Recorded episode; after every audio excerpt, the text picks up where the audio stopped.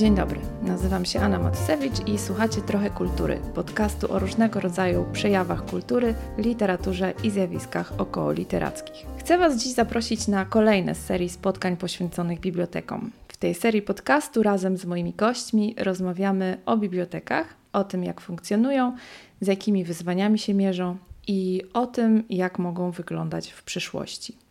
I dzisiaj moim gościem jest Karol Baranowski, który na co dzień jest związany z dwoma bibliotekami w Krakowie. Z Pedagogiczną Biblioteką Wojewódzką i Wojewódzką Biblioteką Publiczną Agenda Arteteka.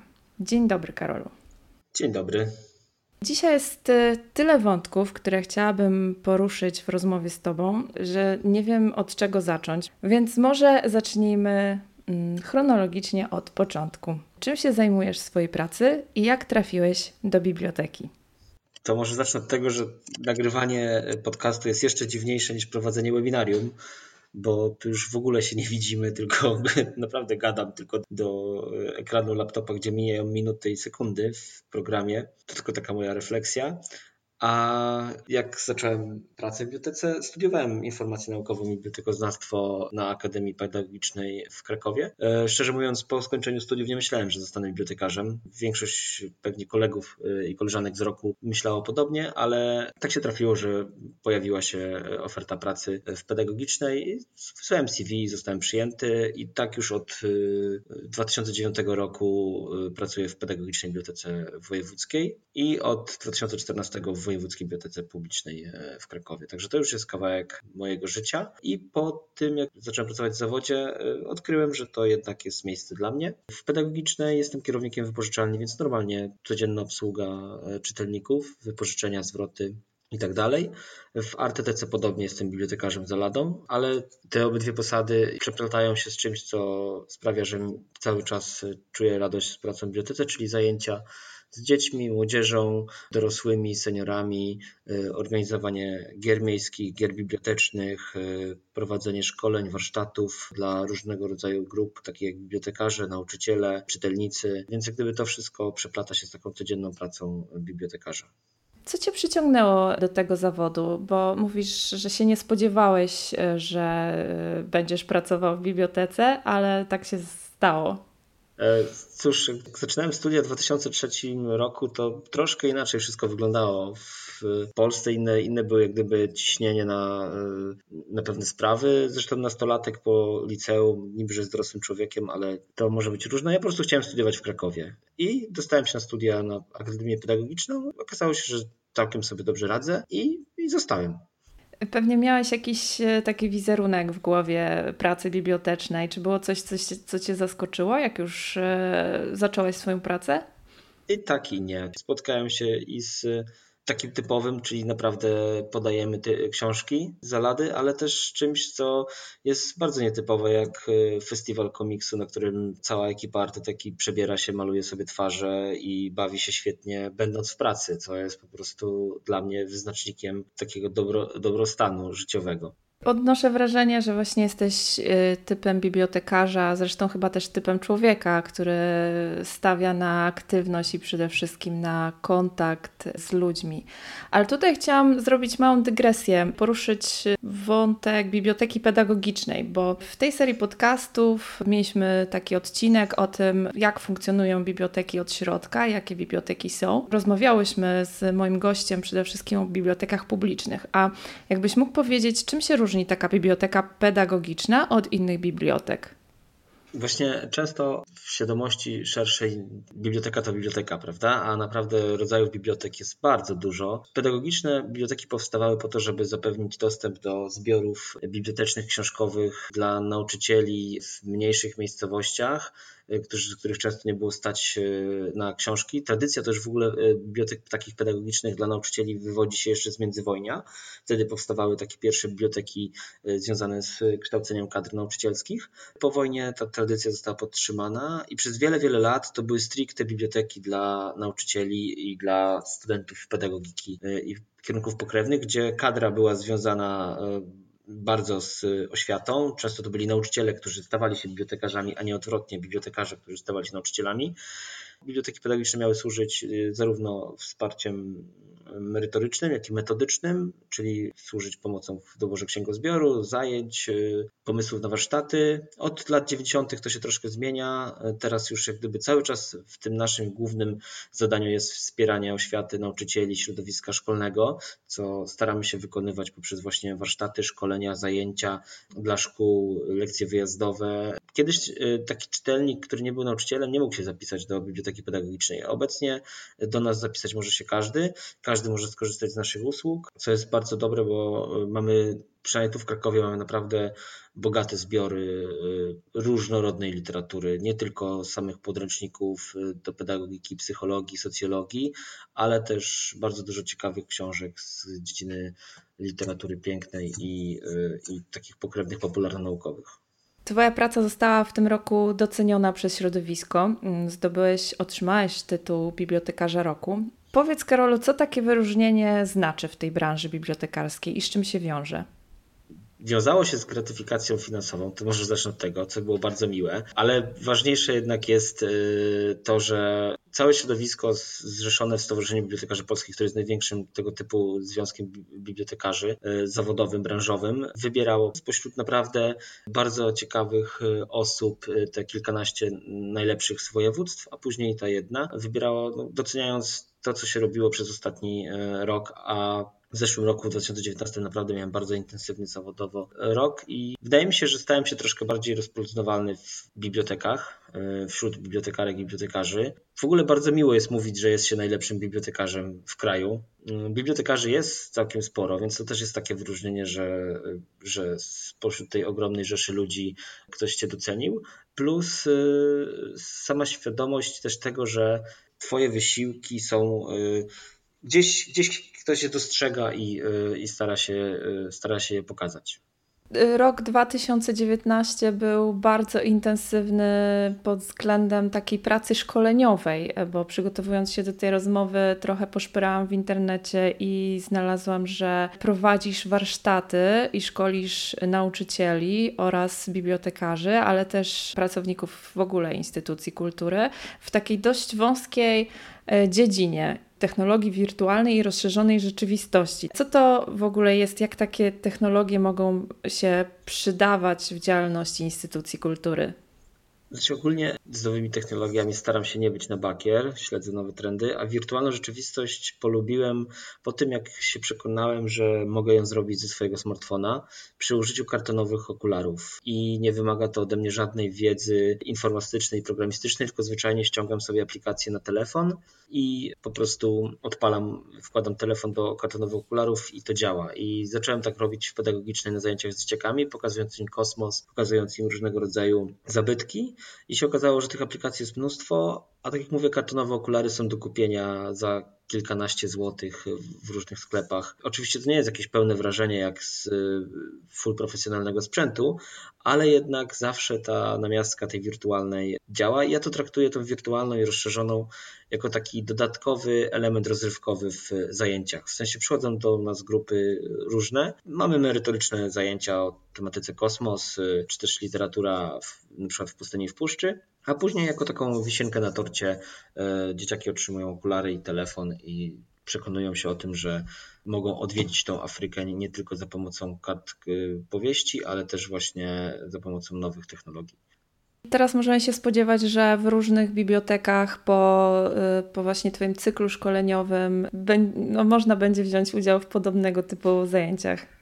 Ja bym bardzo chciał, ale to już się działo nawet wcześniej bez mojego cyklu szkoleniowego. Po prostu y, coraz więcej bibliotek albo mediatek, zależy jak y, chcemy to nazywać, kupuje sprzęt tego typu właśnie jak okulary Oculus, jak gogle do wirtualnej rzeczywistości HTC we Wrocławiu. W przejściu świetnickim mają takie, takie gogle, w mediatece w Grodzisku Mazowieckim mają takie gogle, także to już powoli staje się takim wyposażeniem może nie standardowym, bo to jednak są nowe, nowe e, oddziały pootwierane, na które były środki, ale e, już coraz więcej bibliotek też kupuje właśnie takie gogle do, do smartfonów, gdzie można włożyć telefon i korzystać z tego. I, I, mam nadzieję, że to też będzie pokłosie tych moich szkoleń. Zawsze to jest ten dodatkowy element rozrywkowy, który może przyciągnąć czytelników do naszej e, instytucji. A jak oceniasz jako szkoleniowiec otwartość środowiska bibliotekarskiego mm, na innowacje technologiczne? Jest coś takiego, co zawsze powtarzam, i to y, jest y, jak gdyby zaprzeczenie pewnych stereotypów, bo gdzieś cały czas ten pokutuje ten stereotyp y, biblioteki z paprotką, która okazuje się, że jest bardzo dobrym czyścicielem powietrza, więc te paprotki w bibliotekach nie wzięły się znikąd y, i tą panią zaladą, która po prostu podaje te książki tylko, zawsze uświadamiając uczestnikom, bibliotekarkom i bibliotekarzom moich szkoleń, że biblioteki zawsze były awangardą, y, jeżeli chodzi o postęp technologiczny. Pierwsze miejsca z dostępem publicznym do internetu to były biblioteki w małych miastach, które otrzymywały granty i wyposażały biblioteki w komputery. Pierwsze tablety, pierwsze smartfony, pierwsze zajęcia dla seniorów często odbywają się właśnie w bibliotekach i ta kadra mierzy się z, najpierw z takimi rzeczami, jak zaimplementować nowe technologie do swojego środowiska lokalnego i zawsze chęć dowiedzenia się czegoś nowego jest naprawdę ogromna, plus często na,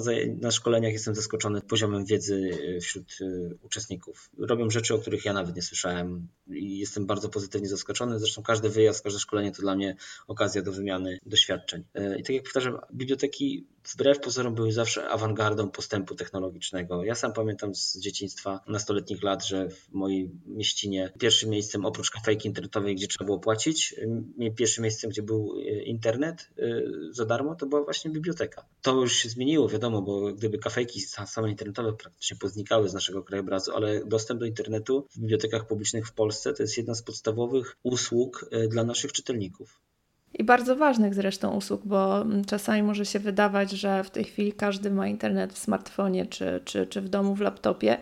Jednak e, z opowieści znajomych bibliotekarek e, i bibliotekarzy wiem, że, że jednak jest spore grono osób, które tego dostępu w domu nie mają e, z różnych powodów i chętnie z, z tego korzystają w bibliotece żyjemy w takiej troszkę bańce, której nam się wydaje, że wszyscy mają tak podobnie jak my, ale tak nie jest i właśnie biblioteki tutaj naprawdę są miejscami, które wypełniają tą lukę potrzebną dla wielu, wielu osób, co dobitnie pokazała też pandemia i praca zdalna, czy też nauczanie zdalne, gdzie okazało się, że, nie, że spora część y, rodzin, owszem, ma komputer, ale to jest jeden komputer na kilka osób, to już jest troszkę rodzi problem, prawda? A przez okres pandemii niestety biblioteki były pozamykane. Karolu, jesteś ambasadorem platformy LaBib. Czy mógłbyś w kilku zdaniach opowiedzieć, co to jest za miejsce? E, Labib.pl to taki portal, który został stworzony kilka lat temu. Jest e, wspierany przez Fundację Rozwoju Społeczeństwa Informacyjnego i on zrzesza e, ludzi niekoniecznie tylko z branży bibliotekarskiej, ale też animatorów kultury, pracowników domów kultury, pracowników muzeów, gdzie naczelną ideą jest dziel się wiedzą, nóż pomysły. Portal jest całkowicie darmowy, wystarczy się zarejestrować i w skrócie, jeżeli coś robiliśmy, na przykład u siebie, jakieś wydarzenie, lekcje biblioteczne, mamy scenariusz opracowany do tej lekcji, chcemy się podzielić albo pokazać, y, czego uniknąć podczas organizacji na przykład festiwalu literackiego, co trzeba, na co się trzeba przygotować y, wcześniej, co wychodzi, a co nie wychodzi. Chcemy się tym podzielić. Możemy zamieścić wpis na portalu Labib, gdzie uczestnicy mogą przeglądać i na przykład uniknąć naszych błędów, bo po co wyważać y, otwarte drzwi? Czy też chcemy zainspirować ludzi do działania naszymi pomysłami, to do tego właśnie służy portal Labib. Wymianę idei, pomysłów, doświadczeń, E, wśród e, branży. I jeżeli sobie przyglądamy te wpisy, to naprawdę mnóstwo wspaniałych ludzi, którzy robią ciekawe rzeczy u siebie w bibliotekach, u siebie w domach kultury. I wystarczy po prostu podłapać i zobaczyć, że to nie jest wcale takie trudne, bo głównie te scenariusze bazują na tym, co możemy sami zrobić bez jakichś szczególnych e, środków finansowych. Wydaje mi się, że to jest e, jedno z najbardziej wartościowych aspektów Labibu, że to ma ten wymiar taki społecznościowy, że ludzie z całej Polski dzielą się e, swoimi pomysłami na działania i projekty tym samym promując y, jakieś fajne pomysły i dobre praktyki. Też y, chyba integruje mm, to środowisko pracowników instytucji kultury. A, a czy trudno jest przekonać do poświęcenia swojego czasu, żeby pomagać y, swoim doświadczeniem innym? To chyba już zależy od indywidualnych cech e, każdego człowieka. Ja mogę powiedzieć tylko tyle, że mamy coś takiego wpojonego, nie wiem, czy przez szkołę, czy przez ogólnie, czy przez nasze społeczeństwo, że nie dzielimy się. Nie dzielimy się, bo myślimy, że skoro już nad tym ciężko pracowaliśmy, no to przecież e, nikt nie może z tego korzystać, bo to jest moje, moje i tylko i wyłącznie moje. A ja wydaje mi się, że staram się być taką osobą, która uważa, że właśnie jak się podzielę, to ja na tym więcej zyskam niż, e, niż tak na dobrą sprawę stracę. Jestem bibliotekarzem, ja rozdaję ludziom książki za darmo, więc jak gdyby też trochę inne podejście mam do, nazwijmy to, pewnych e, rzeczy, ale często jest tak, że napiszę scenariusz na Labibie i on zostanie wykorzystany i ktoś opisze, że to był scenariusz Baranowskiego, to wtedy ktoś zwróci się do Baranowskiego, żeby może mu napisał taki scenariusz, ale już za, nazwijmy to, e, jakąś, jakieś wynagrodzenie. To jest tak, że właśnie ta droga nie jest taka prosta do dzielenia się, i zmiana postaw też nie jest prosta, ale ci ludzie, którzy się dzielą, robią to po prostu, żeby po pierwsze pokazać, że coś im się udało, albo nie udało, to zależy, pokazać, że można, pokazać, że nie trzeba być e,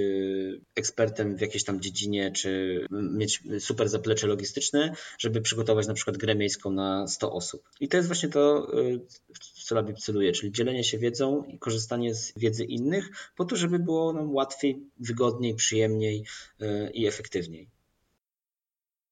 Jest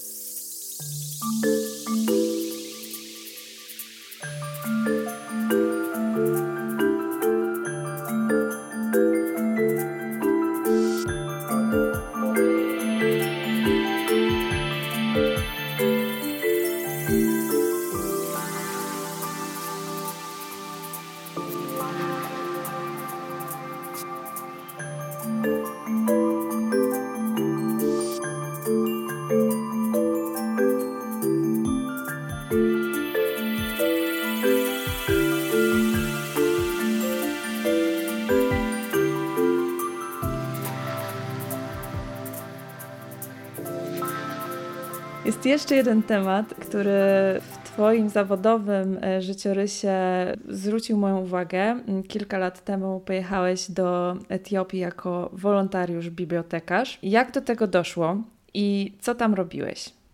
Będę musiał do Etiopii pojechać jeszcze raz, bo to już było 4 lata temu, ale to naprawdę było wydarzenie chyba najważniejsze w dotychczasowym moim życiu, nie tylko zawodowym, ale też prywatnym. Nigdy nie byłem wcześniej w Afryce. Miałem kolegę, który pracuje w Polskim Centrum Pomocy Międzynarodowej i oni robili taki program rozwojowy dla wiosek w Etiopii, które nie miały dostępu do prądu, że jeździli po szkołach i instalowali na budynkach szkolnych oświetlenie fotowoltaiczne czyli po prostu panele e, i żarówki w klasach. Dzięki temu wioska, która nie miała do tej pory szans w ogóle na taki e, ogólnodostępny e, budynek z prądem, ze światłem, bo nie z prądem, tylko ze światłem, zyskiwała coś takiego. I oni kilkaset szkół doświetlili, ale też czasami kupowali podręczniki dla bibliotek szkolnych, jeżeli były w tych szkołach. Okazywało się, że często te podręczniki po tym, jak wracali na to miejsce, były niewykorzystywane, bo mm, nikt się nie chciał tym zająć, wszyscy się bali na przykład dotykać tego, bo się zniszczy i tak dalej. No i wpadli na pomysł, żeby właśnie wymienić doświadczenia związane z prowadzeniem biblioteki szkolnej z dyrektorami, nauczycielami, i członkami rad rodziców y, etiopskimi. Kolega, znając tylko jednego bibliotekarza, zwrócił się do mnie z pytaniem 4 lata temu w lipcu, czy nie, nie poleciałbym do Etiopii. Y, na początku miałem lecieć na 3 miesiące, z tego się zrobiło ponad miesiąc, no ale musiałem trochę to przetrawić, ale zdecydowałem się i to była naprawdę świetna przygoda. W Etiopii prowadziłem szkolenia, takie normalne warsztaty dla dyrektorów, nauczycieli i członków rad rodziców z tego, jak prowadzić bibliotekę szkolną, z jakichś metod y, aktywizacji lokalnej społeczności. Pokazywałem im różne przykłady y, wydarzeń, które można zrobić bez dostępu do wielu, wielu rzeczy, zwłaszcza prądu na przykład. I później też jeździłem po tych wioskach y, i instalowałem to oświetlenie. Także zostałem też bibliotekarzem elektrykiem tym właśnie rozszerzasz o kolejne umiejętności, jakie e, bibliotekarze e, muszą często posiąść, żeby, żeby wykonywać swój zawód. Chciałam Cię dopytać, jak się przygotowywałeś e, do tego wyjazdu? No, realia bibliotek czy szkół w Polsce bardzo się różnią od tych etiopskich. Mm. No, to, było, to była duża bariera. Oprócz rozmów z kolegą, który był tam na miejscu i tak dalej. Wiadomo, czytałem książki, Przeglądałem blogi podróżnicze, czytałem trochę o Etiopii. Moje warsztaty odbywały się w języku angielskim, z którego były tłumaczone na y, język amharski albo oromski, w zależności od tego, z jakiego regionu przyjeżdżała grupa szkoleniowa. Więc jak gdyby to też dodatkowo jeszcze ta bariera y, tego, że ja mówię po angielsku, nie wszyscy z tych nauczycieli mnie rozumieli bezpośrednio, tylko czekali na tłumacza. Poprosiłem też o na przykład portal Biblioteki Szkolnej Online, y, żeby zwrócił się do swoich użytkowników, żeby podesłali mi zdjęcia polskich szkolnych bibliotek. I też y, stworzyłem taką prezentację, jak wyglądają polskie szkolne biblioteki. Mm, w ogóle też sytuacja była taka, że ja mówiłem do nauczycieli, dyrektorów szkół z prowincji, a, a w Etiopii y, są duże, bardzo duże różnice między tym, jak wyglądają szkoły w miastach dużych zwłaszcza, a jak wyglądają szkoły w miasteczkach czy, czy na wioskach, więc jak gdyby to też jest troszkę inne przełożenie. I przygotowałem się po prostu tak, że y, wpadłem na pomysł y, najpierw, żeby nie być anonimowym, nie wiadomo kim dla tych uczestników warsztatów, pokazałem im troszkę Polskę. W sensie, jak wygląda Polska, Polska jako kraj, bo o Polsce raczej tam nie słyszeli. Sensie może coś, ktoś ma rodzinę w Niemczech, to Lewandowski się przebijał. Też nawet Wałęsa nie był tam kojarzony. O Janie Pawle II też za bardzo Etiopczycy nie słyszeli, bo tam katolików nie jest zbyt dużo. Ja jestem z małego miasteczka, moi rodzice są ze wsi. Łatwiej znajdowałem nić porozumienia z osobami, które były na moich warsztatach, bo tam nawet nauczyciele często pracują na roli, żeby sobie dorobić czy też utrzymać rodzinę, więc jak gdyby też mają trochę inne spojrzenie na kwestie rolnictwa, tego jak, jak się pracuje w Polsce na roli. To też były pytania, które najczęściej padały. I ja na szczęście potrafiłem na nie odpowiedzieć. Mhm. No właśnie, a co najbardziej interesowało? To po pierwsze, dlaczego w szkołach e, są same kobiety, bo w Etiopii to wygląda trochę inaczej. 90% kadry nauczycielskiej to są mężczyźni. W Polsce, na zdjęciach pokazywałem, to oni się pytali, dlaczego, dlaczego tam są same panie. Dużo pytań padało o to, jak co jemy, jak się, jak się ubieramy, y, czy też ciekawym kulturowo zdarzeniem było to, że musiałem tłumaczyć, że w Polsce zimą jest dzień krótki, a, a latem długi i wtedy się wszystko robi na roli, bo w Etiopii dzień trwa tak jak przy równiku, czyli 12 godzin równe i przez cały rok jest tak samo, więc to, to było też bardzo ciekawe doświadczenie związane z tym, jak, jak wytłumaczyć, y, jak działa przyroda w Polsce. Czy też polskie miasta y, ich bardzo interesowały, języki, w Etiopii jest ponad 70 grup etnicznych, każda ma swój język, więc wytłumaczenie tego, że 38-milionowy naród mówi jednym językiem, a jeżeli ewentualnie to mamy jakieś odmiany, było też bardzo ciekawe, bo oficjalnym językiem w Etiopii jest amharski, ale każda, każda grupa etniczna posługuje się też swoim, swoim językiem. Czy to Twoje doświadczenie z Etiopii w jakiś sposób rezonuje w Twojej pracy obecnie? Tak, oczywiście. Po pierwsze opowiadam o nim cały czas, gdzie tylko mogę, ale też e, no, na początku jak wróciłem, no to był taki szok trochę kulturowy, czy tam jak tam byłem też, ale cały czas myślę o, o tym, żeby do tej Etiopii wrócić i cały czas powtarzam, że biblioteki w Polsce, bibliotekarze, bibliotekarki powinni tak troszkę też bardziej zaangażować się w, w pomaganie nie tylko lokalnym społecznościom, ale też właśnie gdzieś, gdzie na świecie, bo często to właśnie od bibliotek się E, zaczyna zmiana na lepsze. I tak mam taką nadzieję, że to, to nie jest takie pustosłowie, ale, e, ale autentycznie to się dzieje. Skoro jesteśmy przy zmianach, zmianach na lepsze, to mm, co sądzisz o dzisiejszej bibliotece jako instytucji? Jak według Ciebie biblioteki się zmieniły i w jakim kierunku one mogą się zmieniać dalej? Na szczęście przez ostatnich kilka lat w Polsce powstało naprawdę dużo fajnych bibliotek, dużo budynków zostało wyremontowanych, dużo nowych zostało oddanych. Już powoli zaczyna się projektować biblioteki wspólnie, po pierwsze z użytkownikami, a po drugie z bibliotekarzami, więc to też jest bardzo ważne, bo często te różnego rodzaju adaptacje budynków e, nie brały pod uwagę zdania bibliotekarzy co mnie się podoba na przykład w Artytece, to to, że to jest otwarta przestrzeń, że tam każdy może przyjść, y, rozłożyć się, usiąść przy stoliku, y, grać w gry planszowe na miejscu. Y, jest dopuszczalny pewien poziom hałasu, bo to nie jest czytelnia naukowa, tylko po prostu miejsce, gdzie się miło spędza czas. I wiadomo, że nie wszystkie biblioteki mają warunki lokalowe i ta ich podstawowa funkcja wypożyczania książek jest cały czas najważniejsza. Czytelnictwo dla bibliotekarzy i bibliotekarek jest cały czas najważniejsze, ale jeżeli istnieje możliwość otwarcia takiego szerszego, że w sensie można sobie przyjść i odpocząć w bibliotece, to jest to sławne trzecie miejsce, o którym wszystkie bibliotekarki bibliotekarze słyszeli, czyli żeby nasze biblioteki stały się miejscem, gdzie ludzie przychodzą między i spędzają czas między pracą a domem. Rozmawiając, czytając, grając w gry. Y, otwarta przestrzeń publiczna dla wszystkich, bez y, żadnych ograniczeń poza posiadaniem karty bibliotecznej. To jest to, co coraz częściej, coraz więcej bibliotek takich nawet w mniejszych miejscowościach stara się osiągnąć. I to jest taka, jeżeli chodzi o moją wizję bibliotek, to właśnie taka bardzo zbliżona do tego, którą znam w Artetece, czyli miejsce, gdzie można przyjść się pouczyć, można przyjść pograć w gry, można też wziąć udział w festiwalu y, komiksu, czy Militaria.pl, czy Kwasonie y, i przez cały dzień miło spędzić czas na dyskusjach, y, na słuchaniu spotkań z ulubionymi aktora, autorami, czy też po prostu wziąć udział w panelach dyskusyjnych dotyczących interesującego nas tematu. I to właśnie biblioteki powinny być takimi miejscami umożliwiającymi też spotkania dla ludzi, którzy interesują się jakąś, jakimś zagadnieniem. A jaka w tym wszystkim e, jest rola bibliotekarzy? Jakie widzisz perspektywy w ogóle dla zawodu bibliotekarza? W ogóle teraz zawód jest uwolniony, co z jednej strony jest dobre, bo pozwala ludziom, którzy nigdy by nie pomyśleli, że mogą pracować w bibliotece, pracować w bibliotece bez żadnych dodatkowych kursów i tak dalej, ale z drugiej strony często też e, sprawia, że zupełnie już przypadkowi ludzie trafiają do bibliotek. Pedagogiczne jest tak, że mm, jest, musimy być bibliotekarzami, nauczycielami, więc jak gdyby to już jest troszkę zamknięty krąg, jeżeli chodzi o nabór nowych pracowników, e, ale na przykład w Artytece e, zespół jest wymieszany, czyli mamy ludzi po studiach bibliotekoznawczych, ale też ludzi, którzy są po innych studiach humanistycznych czy też e, technicznych. To wymieszanie jest bardzo pozytywne, bo nie ma przewagi jednej czy drugiej strony, jak nie lubię dzielić, e, ale, ale gdyby to można tak ująć w, w uproszczeniu. Po prostu wszyscy pracują, e, robią te same czynności, ale pomysły mogą być zupełnie różne. E, więc to jest bardzo, bardzo fajne, bardzo zdrowe i owocuje świetną ofertą dla czytelników. Chciałabym też Cię spytać o Twoją osobistą perspektywę. Co Ciebie motywuje i co byś chciał osiągnąć w swoim zawodzie i o czym marzysz jako bibliotekarz? Hmm. Jeszcze trzy lata temu bardzo silne parcie miałem na to, żeby zostać dyrektorem.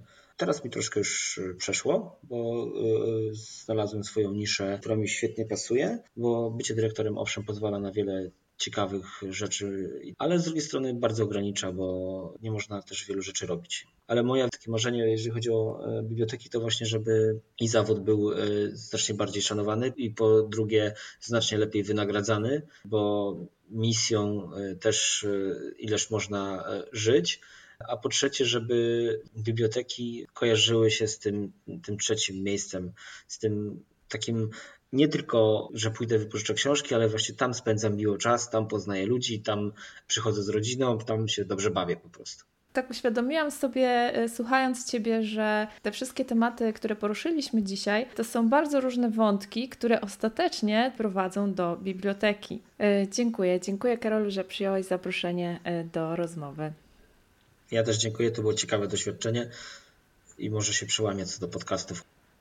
Gościem podcastu Trochę Kultury był Karol Baranowski z zawodu nauczyciel bibliotekarz, bibliotekarz roku 2019 i człowiek z pasją. Niniejszy odcinek jest kolejną rozmową e, z serii przybliżającej funkcjonowanie bibliotek. Zapraszam do wysłuchania całości wszystkich części, bo z zaproszonymi gośćmi pochylamy się nad tym, e, jak dzisiaj wyglądają biblioteki, jakie są i jakie mogą być w przyszłości. Dziękuję za uwagę i do usłyszenia niebawem.